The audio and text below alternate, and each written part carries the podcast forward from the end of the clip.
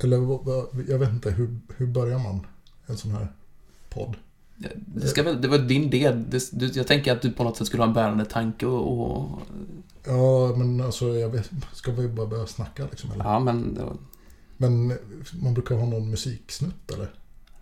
vi, vi snackar lite först och så tar vi den. Eh, Okej, Ja, ja. ja, eh, för jag hittar den här, jag kan testa den. ja men testa den då. Ja.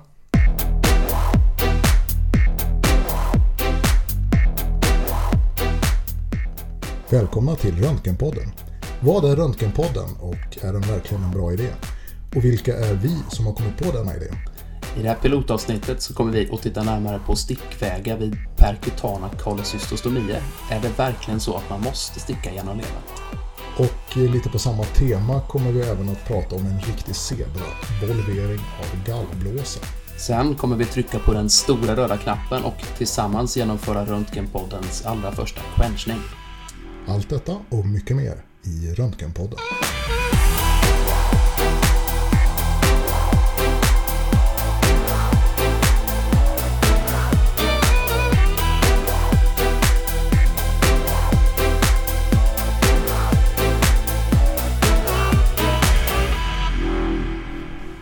Ja, men hur kändes det här då Per? Ja, men det var väl inte så dumt. Man kan väl inte kräva någon perfektion. Jag har aldrig spelat in en podd innan, har du? Nej, nej det har jag inte. Men det här, det, jag tycker det var, det var en bra start. Men du lyssnar en del på poddar, eller hur har du liksom fått idén om att vi ska sätta oss och göra en podd om röntgen? Ja, men det stämmer. För att, eh, precis, jag lyssnar ofta på poddar sådär typ när, man, när jag står och lagar mat eller är ute och skottar snö eller som så här års som man gör eller sitter och, i bilen och kör längre sträckor eller så. Så jag kommer liksom att tänka på det här, men någon röntgenpodd, det finns inte mig veterligt. Jag har sökt i alla fall och inte hittat någon. Och eh, så tänkte jag först, ja, men det är väl inte så konstigt för det är väl inte så himla lätt att ha ett poddradioprogram om röntgen. Det känns ju kanske lite konstigt när det är mycket bilder och så då. Ja, precis. Det är lite, lite... Spontant känns det ju svårt, men egentligen så finns det väldigt mycket att säga om de här bilderna. Det är ju det vi ägnar oss åt. Ja, men precis. Eh, Ju mer jag tänkte på det desto mer så men eh, det här skulle vara ett intressant ämne att prata om och eh, man kanske skulle bjuda in någon gäst eller intervjua någon som kunde prata om ditt eller datt. Och det är mycket så här frågor, saker som man har funderat på och som man tyckt skulle vara intressant, eh, insikter man tycker sig ha erövrat som man skulle vilja dela med sig av någon annan kanske eller eh, frågor som man vill ställa. Så. Eh, många olika ämnen som jag ändå tänker skulle passa. Så då, jag, så då fick, tyck, tänkte jag men det kanske är värt ett försök ändå. Och sen så frågade jag ju dig och du hakar ju på också. Nej, men jag tycker det... Jag vet inte riktigt vad jag förväntar mig att det här ska landa i, men jag tänker det kan vara ett kul sätt att umgås, lika väl som något. Absolut. Än så länge har vi inga gäster i studion, utan det är bara vi. Så får vi se om vi når dit. Just det. Men ska vi ta och presentera oss eller varandra eller hur ska vi göra? Det är många som presenterar varandra om man lyssnar på lite poddar. Ja men vi kör Det brukar funka. Ja. Du är... Är du 40 eller? Eh, nej, eh, absolut inte. Det är flera månader kvar. Det är långt kvar, men Ja, du är närmare i alla fall. Jajamän, det gör jag. Och du är radiolog boende i Eksjö i alla fall, så mycket vet jag. Det stämmer. Där vi gjorde ST tillsammans och så hoppade du av ganska strax därefter och startade firma och nu så eh, bedriver du distansradiologi och jobbar som hyrläkare vissa veckor också. Ja, det stämmer. Eh, det var väl en bra sammanfattning. Ja. Eh, ja. Ehm, och eh, lite, ja, jag vet inte, inriktning på radiologi det är ju så här allmän, allmän radiologi kan man säga. Eksjö är ju inte ett jättestort sjukhus. Så att det kan man ju inte nischa sig allt för hårt. Det, du jobbar ju kvar här i Eksjö, eller hur? Precis, Om det stämmer jag- bra. Om jag byter till att presentera dig då? Ja, nej men det som du säger, om man jobbar på ett sånt sjukhus av den storleken så blir man väl allmänradiolog. Så kan man ju vara intresserad av gastroradiologi till exempel, men man skulle inte kalla sig subspecialist för den sakens Nej, skull. precis. va? Och samtidigt så är det ju så att radiologi är ju så pass brett så det går ju inte att kunna lite om allt utan att vara lite mer inriktad mot ett visst område om man säger så. Nej, precis. Och så känner väl alla att de, de behärskar vissa delar bättre än andra. Men eh, du då Per, du är ju långt ifrån 40. Långt ifrån. Långt ifrån. Men 35 avrundas uppåt ändå. Ja, just det. 35 alltså. Och boende också i Eksjö då. Det stämmer bra. Och eh, färdig specialist sedan två år kanske. Ja, det Ja. stämmer. Ehm, ja, det kanske räcker som presentation. Ja, men det är ju ingen kontaktannons vi skriver sådär, utan jag tänker vi... Ja, Let's get down to business på något sätt. ja men det blir jättebra. Har du gjort något spännande på sista tiden jobbmässigt? Jag är ju föräldraledig nu, så det är inte jättemycket jobb egentligen, men jag har svårt att hålla mig borta ändå. Mm.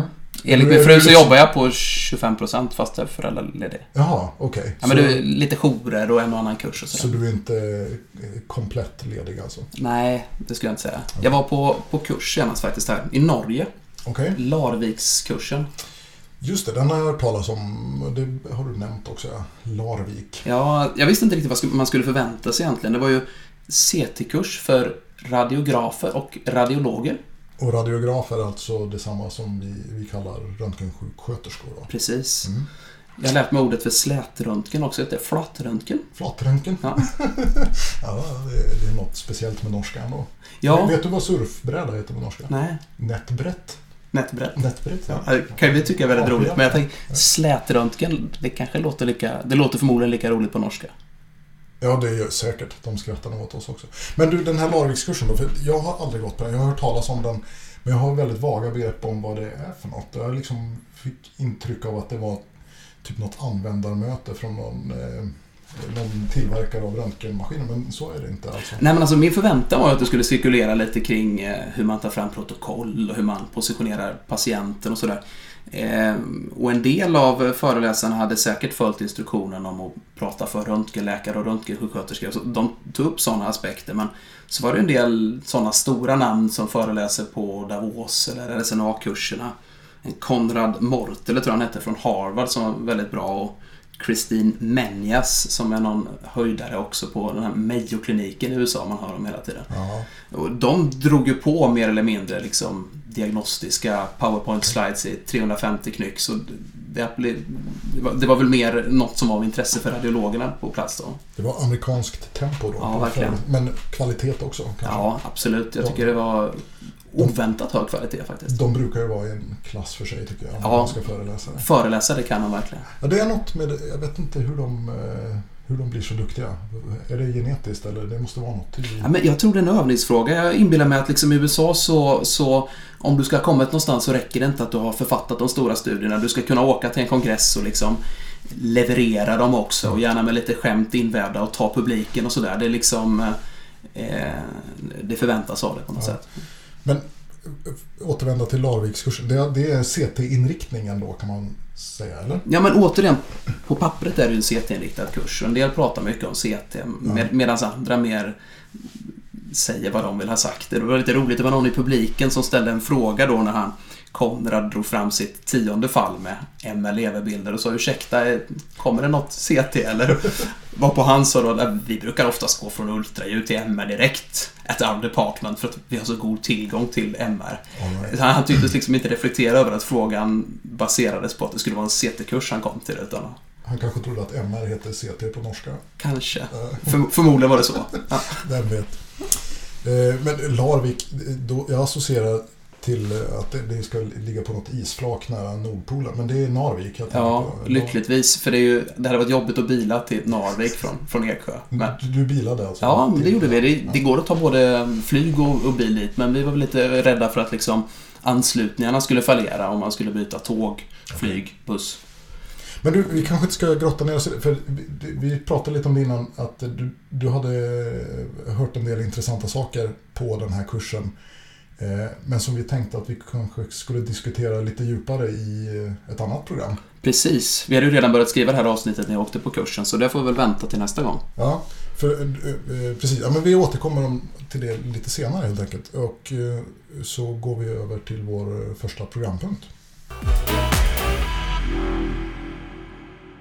För det, det var liksom en tanke som jag har haft med den här podden eh, som jag tänkte skulle vara roligt att man hade som mer eller mindre återkommande grej att man tar upp en vetenskaplig artikel som berör någonting intressant då. Ehm, och då tänker jag kanske framförallt något som är nära eh, klinisk vardag. Eh, inte liksom K-space sjunde dimension eller något i den stilen utan mer något ja, men rimligt handfast sådär. Ja, lite jordnära så. Ja, och, så- och även har jag tänkt att eh, om, om vi nu liksom fortsätter med detta och det eh, vi tycker det är kul och så.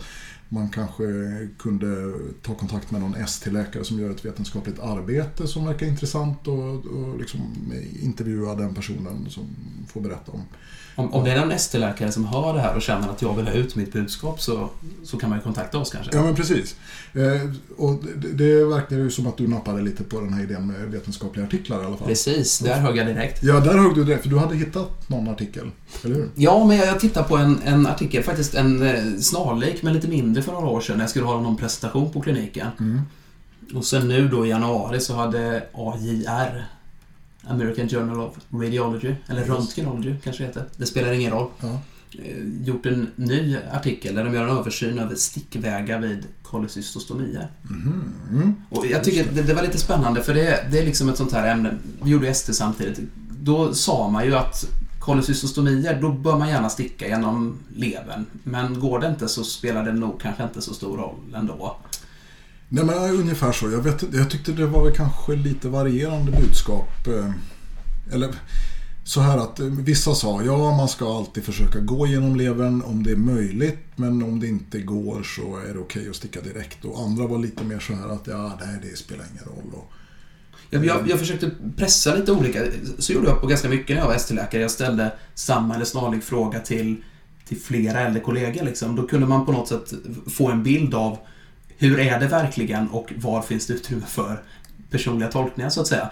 Och, och, och, det här då föll väl i den senare kategorin. De flesta sa att stick genom levern men när jag försökte fråga varför så var det någon som sa att ja, men då fastnar slangen bättre, den glider inte ut och gången mognar fortare och någon hänvisar till risk för gallläckage och sådär.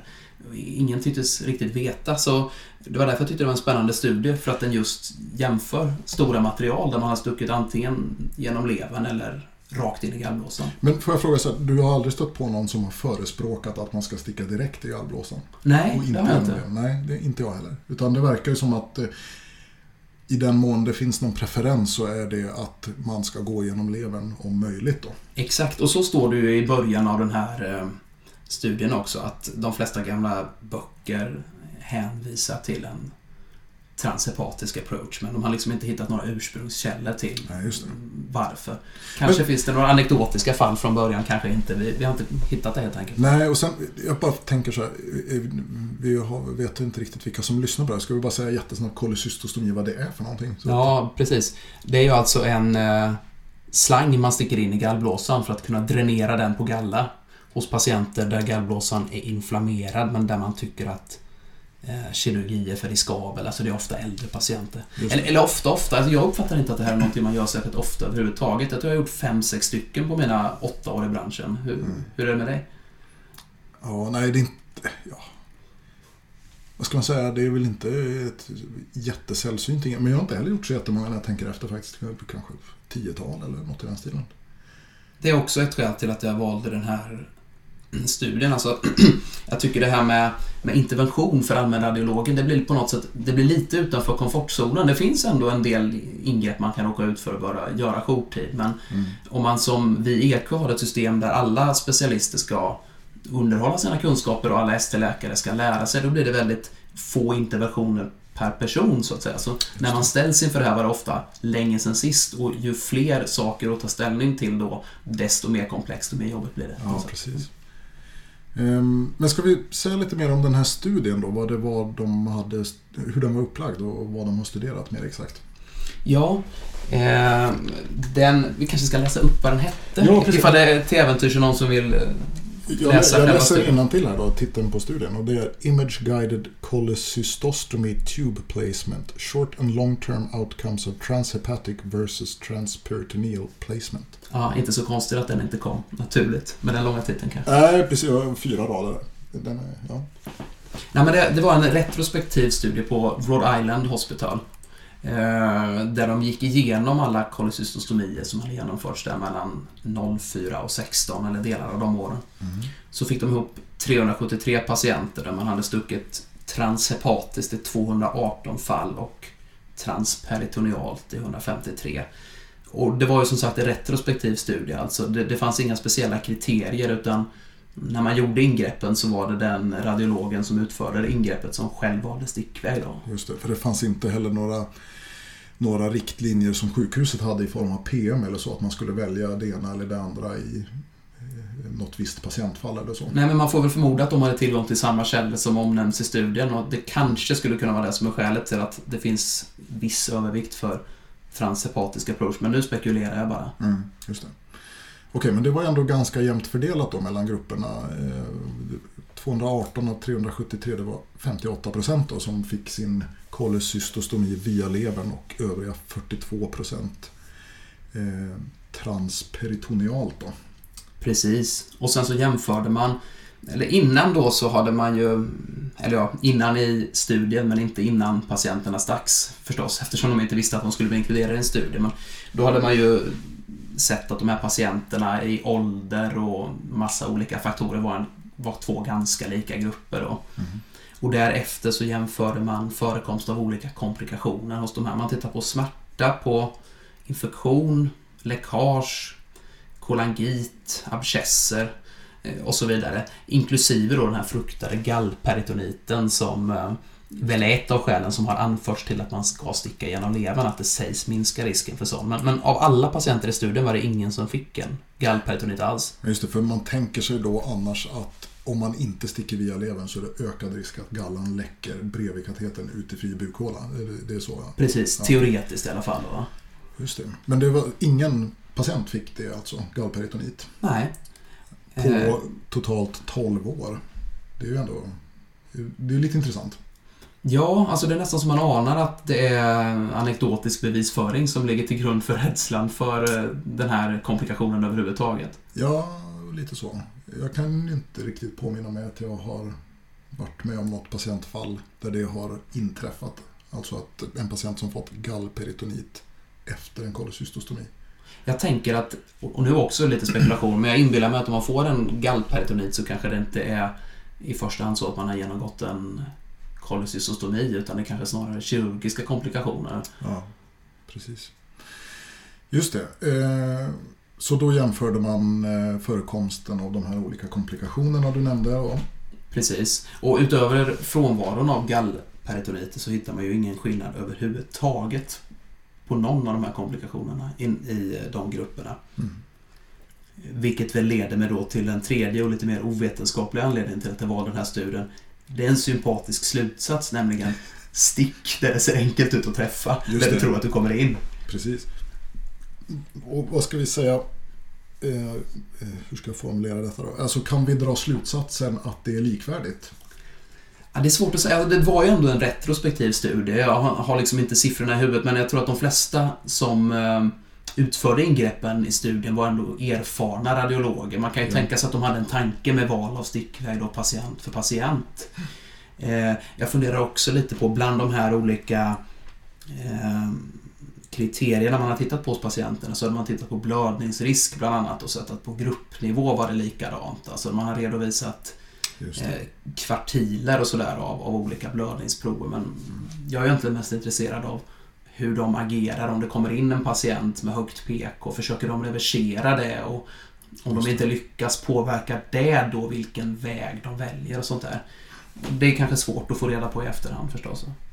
Just det. Men det, det är ju väldigt intressant om det nu är så att det inte är någon skillnad. För man måste, även om det är en retrospektiv studie så måste man ändå kunna dra slutsatsen då att eh, om vi formulerar det så här att så länge den opererande radiologen själv får välja stickväg som vederbörande tycker är lämpligast så blir det ingen skillnad i komplikationsutfall. Nej, precis.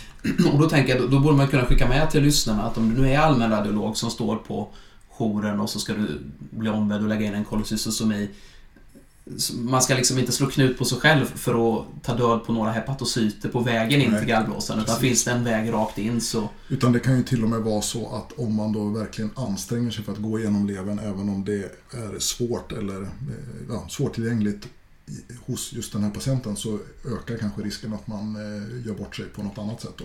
Ja, men det blir ju spekulationer också, men, men en sån risk finns ju. Eller risken att man helt enkelt inte kommer in, tänker jag, borde Mm. öka om man ska ha en krångligare väg. Nej, precis.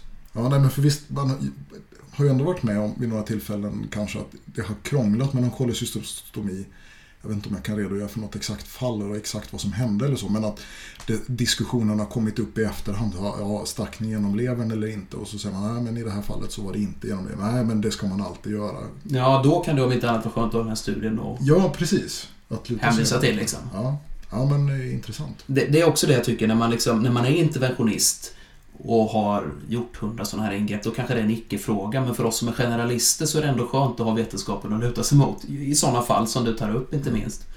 Det var också en sak jag tänkte på förresten. Jag har ju jobbat i Eksjö, lite i Linköping och, och väldigt lite i Jönköping. Men i övrigt inte sett röntgenvärlden på det sätt du har i egenskap av ambulerande radiolog. Jag tänkte fråga dig, är det här ett vanligt ingrepp där ute eller är det liksom...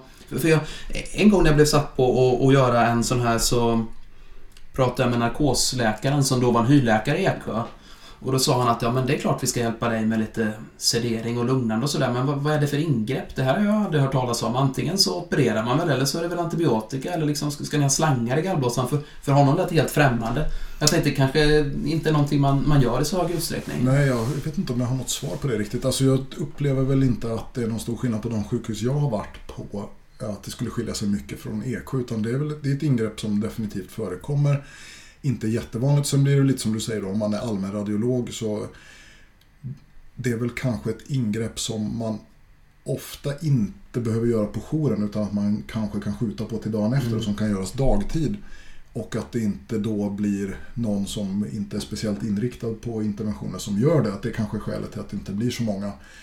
Eh, men det är väl säkert så att det skiljer sig från sjukhus till sjukhus och att en patient med en viss eh, liksom, uppsättning symptom och förutsättningar på sjukhuset A kommer att få en kolecystostomi och på sjukhuset B istället kommer att få ligga med antibiotika till att börja med och se om, om inte det räcker så att säga. Eh, jag, jag, har inget riktigt vettigt svar. Jag tycker nog att eh, det har inte varit någon jättestor skillnad på de sjukhusen jag har varit på. Om det är någon som hör det här och är på ett sjukhus där man aldrig skulle komma på tanken att sticka slangar i gallblåsan så kan ni väl höra av er och berätta det då? Ja, men det vore jätte, jätteintressant att höra mer.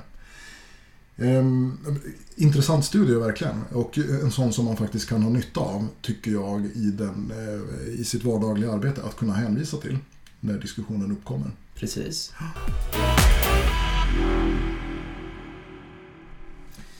Ja, men Jörgen, du har också läst någonting om gallblåsor sen sist, eller ja, Twitter, eller vad alltså... Ja, just det. Den vetenskapliga tidskriften Twitter. Du har andra sätt i den privata sektorn att lära dig saker. ja, precis. jag vet inte om jag ska ta det som en förolämpning. Nej, men jag lär mig allt om röntgen via Twitter. Nej, men, ehm, eh, men vi pratade lite om det när vi satt och förberedde det här programmet. Alltså, det var ju eh, samma tema på så vis att det handlade om gallblåsor. Jag, jag, såg ett inlägg från en radiolog vars namn jag nu inte minns här på rak men Han hade lagt upp ett case som var ganska intressant. Eh, en patient som hade en volverad gallblåsa. Och då eh, kände jag så här, ja, eh, volverad gallblåsa, har jag liksom... Jag, ärligt talat inte ens hört talas om det innan. Ska Den SK-kursen missade jag också. Ja, precis. En mindre sett någon. Vad jag vet kanske jag ska tillägga. För att eh, det är ju mycket möjligt då när man lär sig något nytt att eh, man har missat ett antal genom åren. Så kan det vara. Eh, men när man tänker efter så att eh, en gallblåsa kan volvera så att den snor sig runt sin egen skälk, alltså ductus cysticus och eh, artären. Då. Det låter som att den på något sätt hade hört av sig om du hade missat den. Att, alltså, det borde inte vara bra för blodflödet. Alltså volvering låter ju som... Nej, men jag tänker så här, alltså, om, den, om, man har sett den och inte liksom vet vad det är, då tolkar man väl det antagligen bara som en kolocystit. Ja, så opererar man ändå? Säkert, ja. ja. Och så kanske att den är volverad och så får jag aldrig veta det. Eller så kanske den har snurrat upp sig när de opererar. Men hur som helst, eh, när jag, den här studien då, eh, det var ju konstigt det var en PET-CT de hade gjort på en patient som hade en volverad gallblåsa. Så det var liksom ett, ett bifynd vid någon... Alltså jag antar... Inga metastaser men gallblåsan är vår... Jag är inte bevandrad i PET-CT kan jag inte säga. Men jag kan ju inte tänka mig att om man har misstanken volverad gallblåsa, hur man nu får den misstanken kliniskt och så inte man... att man då skulle göra en PET-CT. Det, det låter ju långsökt. Det kan jag inte begripa. Men hur som helst. Eh, det man såg på bilden. Det var ju då en utspänd gallblåsa. Som var väggförtjockad och eh, alltså såg inflammerad ut helt enkelt. Diffust avgränsad mot kringliggande fett. Kolocystitbild, kort sagt.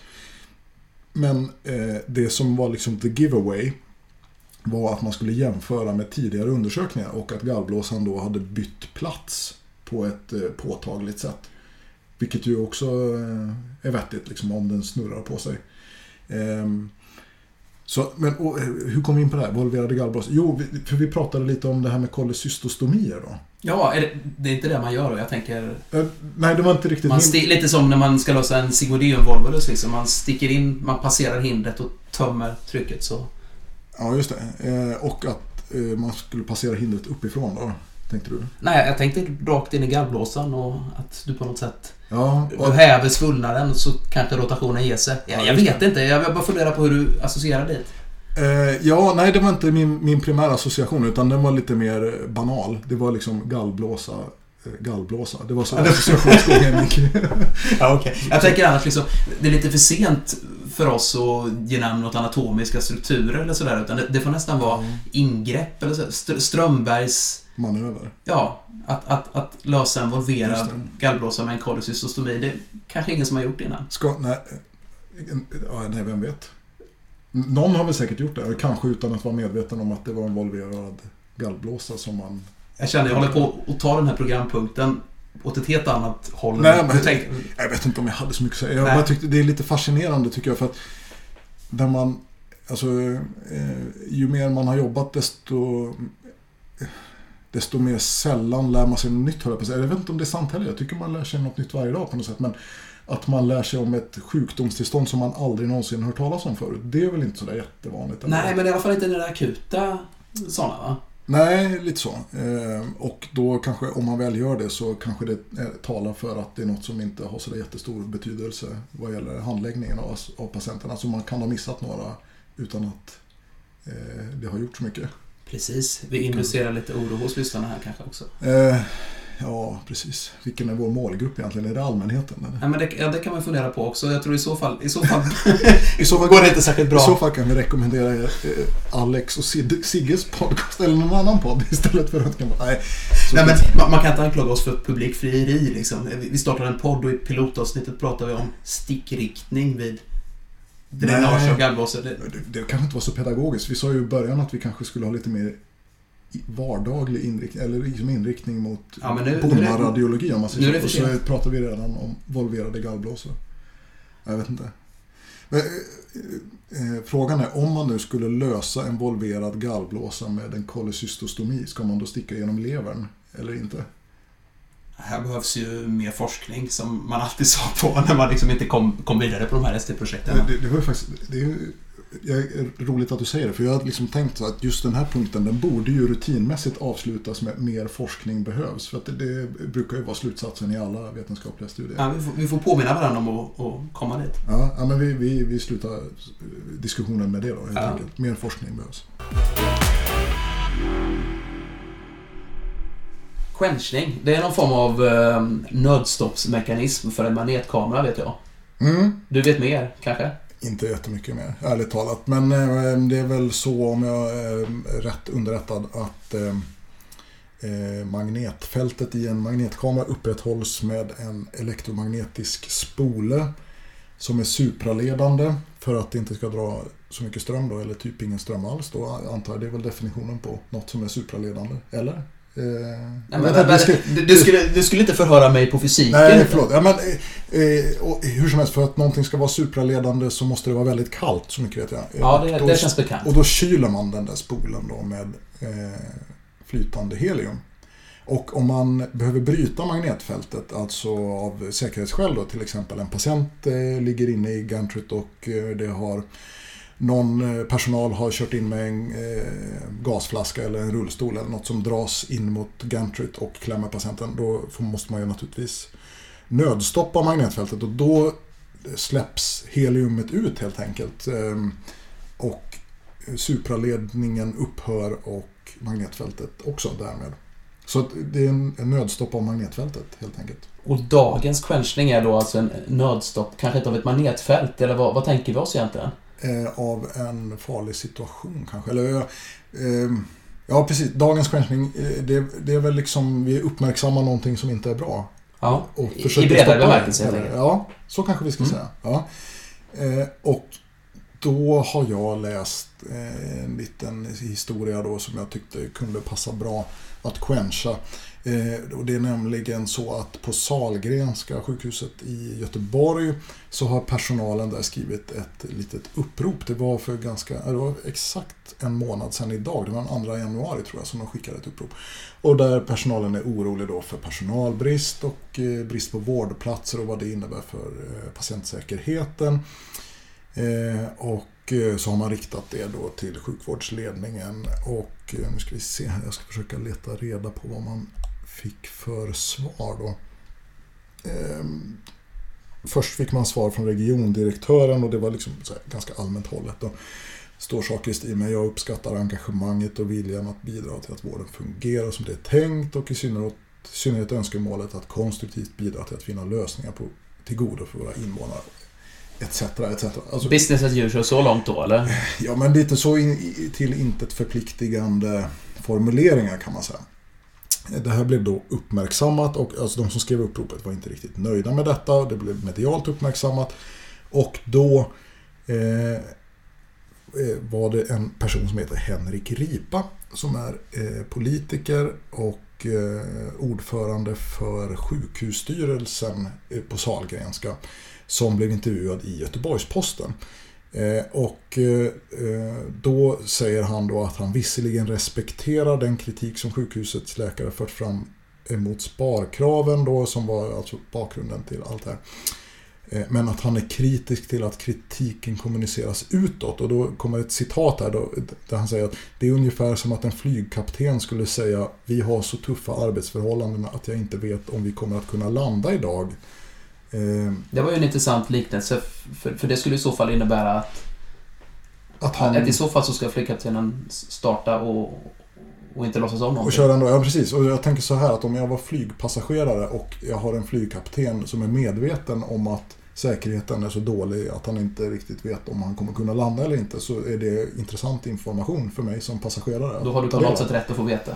Ja, men jag liksom inbillar mig att jag skulle vilja hellre vilja ha den informationen än inte så att säga. Men det verkar inte, Henrik Ripa han tänk, tänker inte så riktigt verkar det som. Utan eh, han, han säger, tycker då att det här det sätter press på arbetsgivaren men det är också ett problem i bemärkelsen att patienterna blir rädda. Säger han. Så att, eh, det, det, är därför man inte ska säga någonting då, för att patienterna blir rädda. Ja, men det, det låter väl som en liksom rimlig grundinställning att, att kom till ledningen först om du uppmärksammar ett problem. Det är väl först i nästa skede det blir, det blir galet liksom. Om, om, om, om ledningen inte vidtar åtgärder så tänker inte tanken att kommunicera det utåt. Nej men precis, det är ju naturligtvis rimligt att man ska komma till ledningen. Eh, det tycker jag också, men de har ju gjort det i det här fallet. Och får dem till svar då att ja, okej, ni får vara kritiska men ni ska inte säga det offentligt. Jag tycker, hör man inte lite liknande historier av och till? Var det, inte, det var uppe i Värmland någonstans de hade en en ordlista med vilka ja, formuleringar personalen skulle använda för att signalera Just det. Eh, bakgrunden till det var väl det här hyrläkarstoppet då som eh, på initiativ av SKL eh, och som Värmland, ah, det är en lång historia, Värmland har väl försökt lösa det genom att teckna direkta, direktavtal med de enskilda hyrläkarna då för att inte behöva gå via hyrfirmorna. Eh, och den upphandlingen misslyckades. Ehm, ehm, de fick väl bara något enstaka anbud och ehm, samtidigt så har man ju då sagt att man inte ska ta några hyrläkare eftersom man håller på med den här upphandlingen som ska vara ersättning för hyrläkare. Så att då landar man ju, hamnar man ju i situationen att man inte kan bemanna läkartjänster helt enkelt. Och då var det väl någon ordlista som, med instruktioner till personalen hur de skulle uttrycka sig gentemot patienterna. Man skulle inte säga då till exempel att eh, du kommer inte kunna få en tid eh, därför att landstinget har infört hyrläkarstopp. Utan man ska säga att eh, eh jag kommer inte ihåg den exakta formuleringen, men det var i stil med du kommer att få den hjälp du behöver på den vårdnivå du behöver. Alltså något sånt som förvisso är sant, men ändå liksom ger lite så här tycker jag, är dåliga associationer när ens arbetsgivare säger exakt den här formuleringen ska du använda gentemot dina patienter. Och så är det lite så, dessutom i och med att det har blivit offentliggjort så blir det ju lite kontraproduktivt och nästan lite löjeväckande när man som patient hör vårdpersonal använda just den formuleringen som man vet står i ett formulär. Den här meddelarfriheten för anställda i offentlig sektor är ju ganska välkänd. Så jag uppfattar på något sätt att det, det blir effekten av de här utspelen blir snarare större ramaskri, en större ramaskrin i media eh, från de som liksom uppmanas att, hålla tyst. Ja, det, det- det verkar inte vara något som fungerar. Att det är kontraproduktivt att försöka Ja, kväsa. Ja, exakt, men absolut. exakt. Ja, visst. Och det, det är ju förvånande att man inte tar med det i kalkylen, eller inte verkar göra det. Utan då är det ju bättre att skriva ett sånt här blaha-svar då. Eh, Och säga, men tack för att du uppmärksammar mig på det här ska jag ha i åtanke. Och sen oavsett om man tänker göra något eller inte. Men att liksom säga, nej, det här får du inte säga, eller bör du inte säga offentligt. Det tycker jag liksom, ja. Angrepp på meddelarfriheten är dagens eh, quenchning helt enkelt. eller Ja, det tycker jag. ja. Eller hur?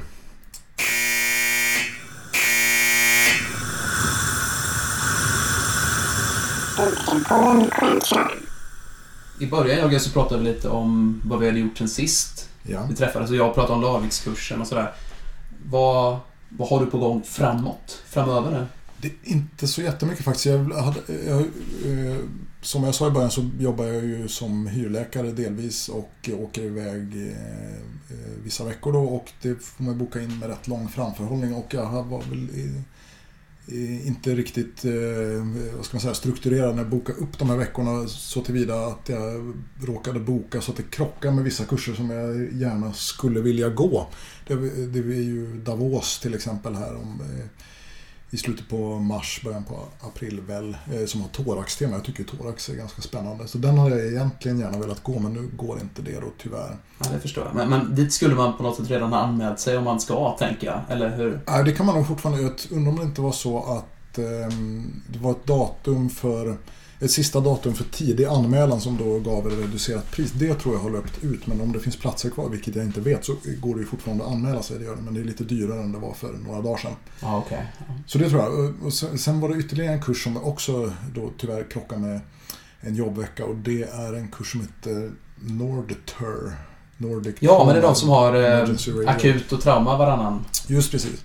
Och den går i Oslo i eh, slutet på vårterminen här och det är väl det är tema Emergency då, eh, alltså inte, inte trauma utan ja, övriga medicinska eh, akuttillstånd.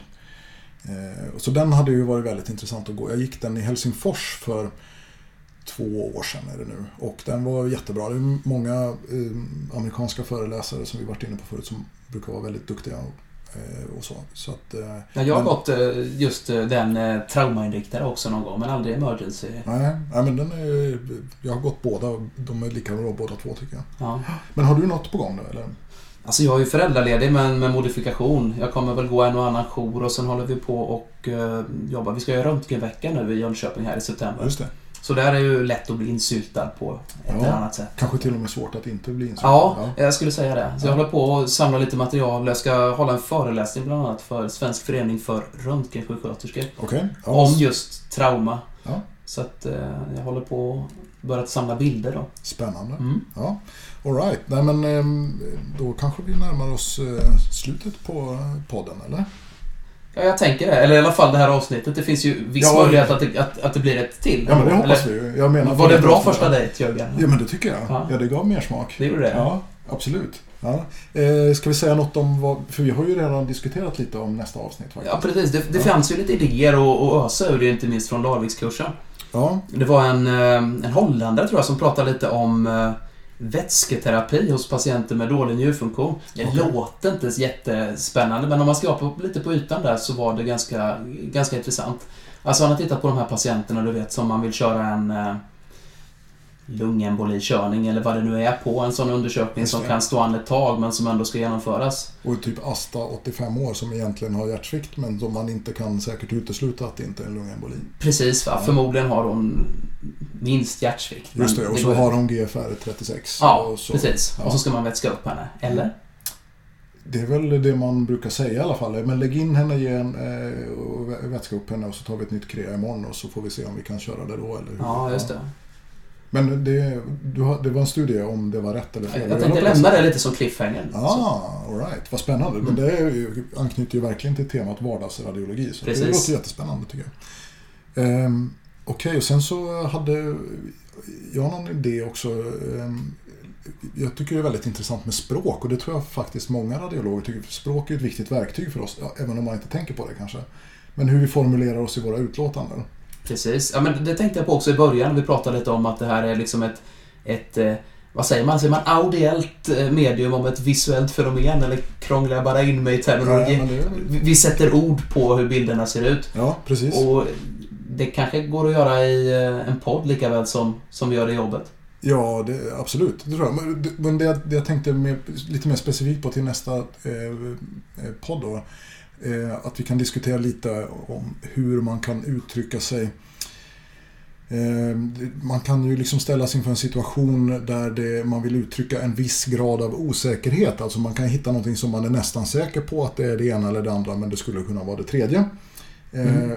Eller så är det så att det skulle lika gärna kunna vara det ena eller det andra. Eller så är man nästan säker på att det inte är någonting men så måste man ändå nämna att det kanske, kanske skulle kunna vara det för att det är någonting som är väldigt farligt. Hur man kvantifierar sin osäkerhet Ja, precis. Hur sätter man ord på att eh, man tror till 80% att någonting är A men 20% B utan att säga det på just det sättet. Eh, För att vi vet ju sällan de exakta siffrorna. Ja, just det. Och hur förmedlar man det? Alltså om jag säger att det, eh, det framstår som mest sannolikt att det rör sig om ditt eller datt.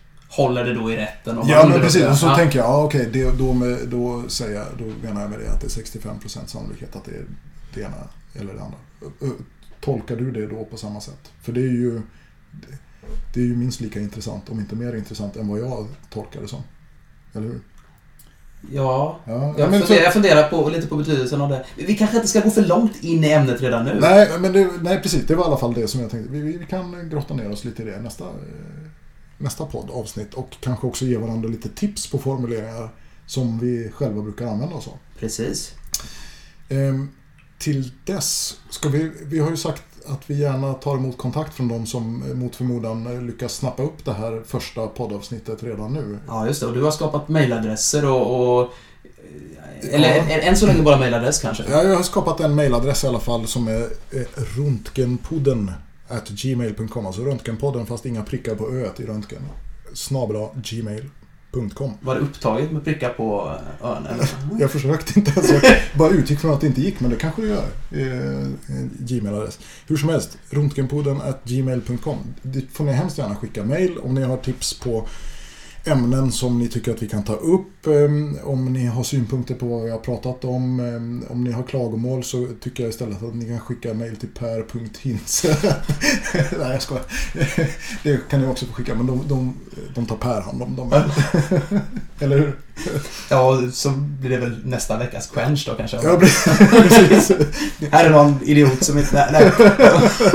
Just precis.